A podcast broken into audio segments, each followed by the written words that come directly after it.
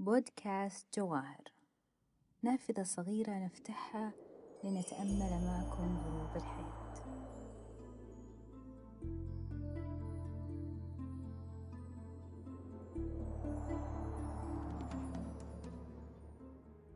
وداعا يا باقي الرجال النوادر.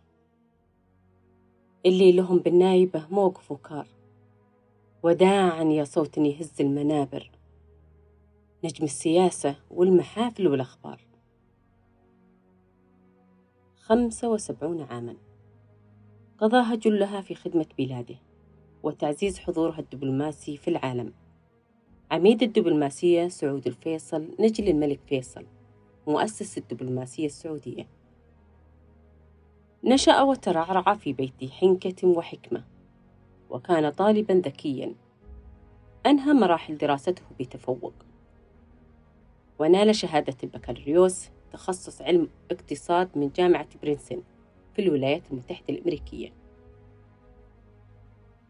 وعين مستشارا في وزارة البترول ثم وكيلا لوزارة البترول. وفي عام 75 عين الأمير سعود الفيصل وزيرا للخارجية وهو المنصب الذي شغله أربعون عاماً. وسط أمواج متلاطمة من التحديات الدبلوماسية وفي كثير من الأزمات الإقليمية والعالمية. ترجل الفارس في عام 1436 هجري في الثاني والعشرون من رمضان.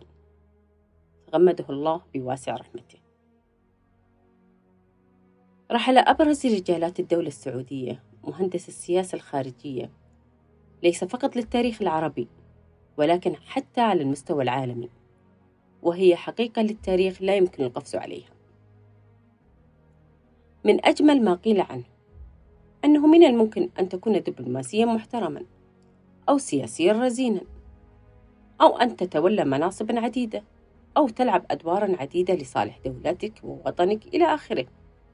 ولكن أن تكون كسعود الفيصل فقد اختصرت واختزلت ذلك كله.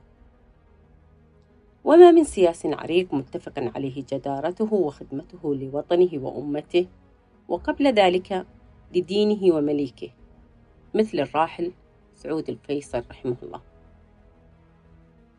ولم يقتصر أن يكون شاهدا على العصر بل كان أيضا صانعا للتاريخ والقرارات. جعله ذلك محل تقدير العالم أجمع. يقول عنه كوشنير وزير خارجية فرنسا في مؤتمر صحفي. الأمير سعود أكبر الساسة في العالم حنكة وحكمة. ويقول وزير خارجية بريطانيا ديفيد ميليباند سعود الفيصل يستطيع أن يحصل على ما يريد ومنح السعودية قوة خارجية لا يستهان بها.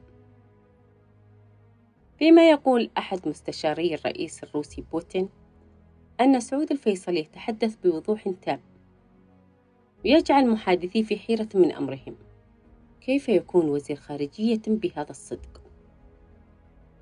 سعود الفيصل رحمه الله هو نفسه الذي لم يتخلى عن صراحته ولا عن تجسيد حكمة قيادة دولته في أصعب المواقف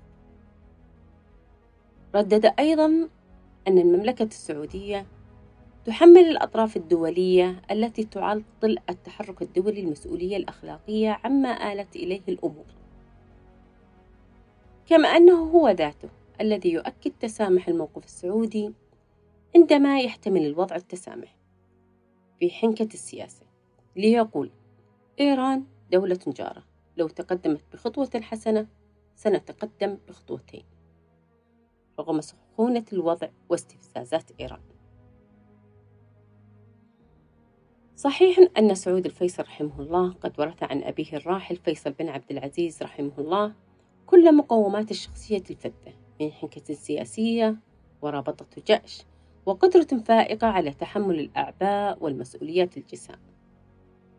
إلا أنه أضاف إلى ذلك كله ما يتفق مع تجربته الفريدة التي استقاها من الظروف العصيبة التي عاشتها منطقتنا أخيرا وكان الإرهاب الذي اجتث العالم وليس السعودية وحدها. فكانت مواقفه لسياسة المملكة من الإرهاب التي كانت المملكة من أوائل الدول التي أسهمت في مكافحة الإرهاب على المستويات المحلية والإقليمية والدولية. من خلال مصادقاتها على عدد كبير من الاتفاقيات والمعاهدات. فقال رحمه الله إن هدف الإرهاب الأساسي هو زرع الفتنة بين المجتمعات وإثارة الكراهية والحقد. مشيرا إلى أن التهديدات الإرهابية العشوائية ليست الخطر الوحيد المباشر بل إن هدف الإرهابيين الأساسي هو تفريقنا عن بعضنا البعض وزرع الفتنة وإثارة الكراهية بين شعوبنا ومعتقداتنا الدينية وثقافتنا. وأضاف سموه أنه من أجل التغلب على خطر الإرهاب علينا أن لا نكتفي بهزيمة الإرهابيين الآن وإنما ينبغي أيضا أن نزيل كل الظروف والعوامل التي تشجع على ظهور الإرهاب.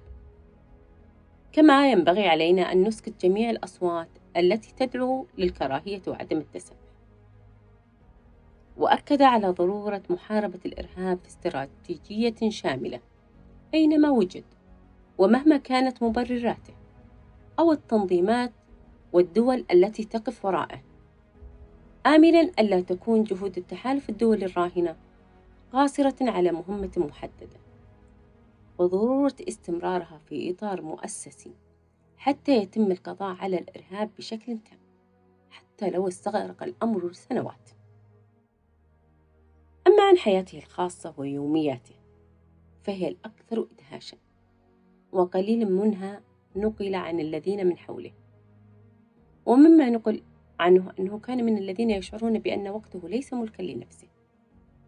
لذلك لا يضع جدولا لنومه واسترخائه ويضاف إلى ذلك شغفه بالمعرفة في مختلف مناحيها وثقافة موسوعية تجاوزت الشأن السياسي. لتطال مجالات وحقول عديدة مثل الفكر والأدب والاقتصاد والفلسفة والفنون ناهيك عن إلمامه الواسع بالتراث. واهتمامه الملحوظ بالطبيعة والبيئة. امتاز سعود الفيصل الإنسان بشدة الملاحظة والحساسية. لأي موقف يمكن أن يفسر على أنه تعال على الآخرين أو خدشا لكرامتهم أو مساسا بإنسانيتهم.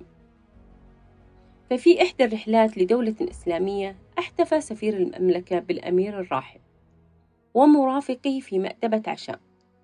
وكان أحد السعوديين من كبار السن يقدم للأمير القهوة العربية. فسأله عن عمله فأجاب أنه مدرس في المدرسة السعودية. فما كان إلا أن قال له بصوت جهوري. إن سيد القوم خادمهم وأوعز إلى السفير بأن يقدم القهوة بنفسه. لا تنتهي لفتاة سعود فيصل الإنسانية الرحيمة. ولا يتسع المجال لسردها جميعا ولكننا نتنقى منها بعض الدرر. فخلال إحدى رحلاته للعاصمة البريطانية لندن وعندما هم بصعود الطائرة للمغادرة كان المطر ينهمر بغزارة والريح عاصفة والجميع يتعجل دخول الطائرة هربا من المطر إلا أن الفيصل التفت وسأل عن راكب الدراجات النارية من الشرطة البريطانية. الذين فتحوا الطريق للموكب إلى المطار. وتوجه إليهم تحت المطر والأجواء العاصفة والأرض المنزلقة ليصافحهم شخصيا ويشكرهم على جهودهم. هكذا كان الراحل رحمه الله. كان سعود الفيصل لا يحب المديح. كان إنسانا شديد التواضع إلى أبعد الحدود. على الرغم من مرضه وألامه الجسدية إلا أنه كان مواظبا على أداء مهامه على أكمل وجه.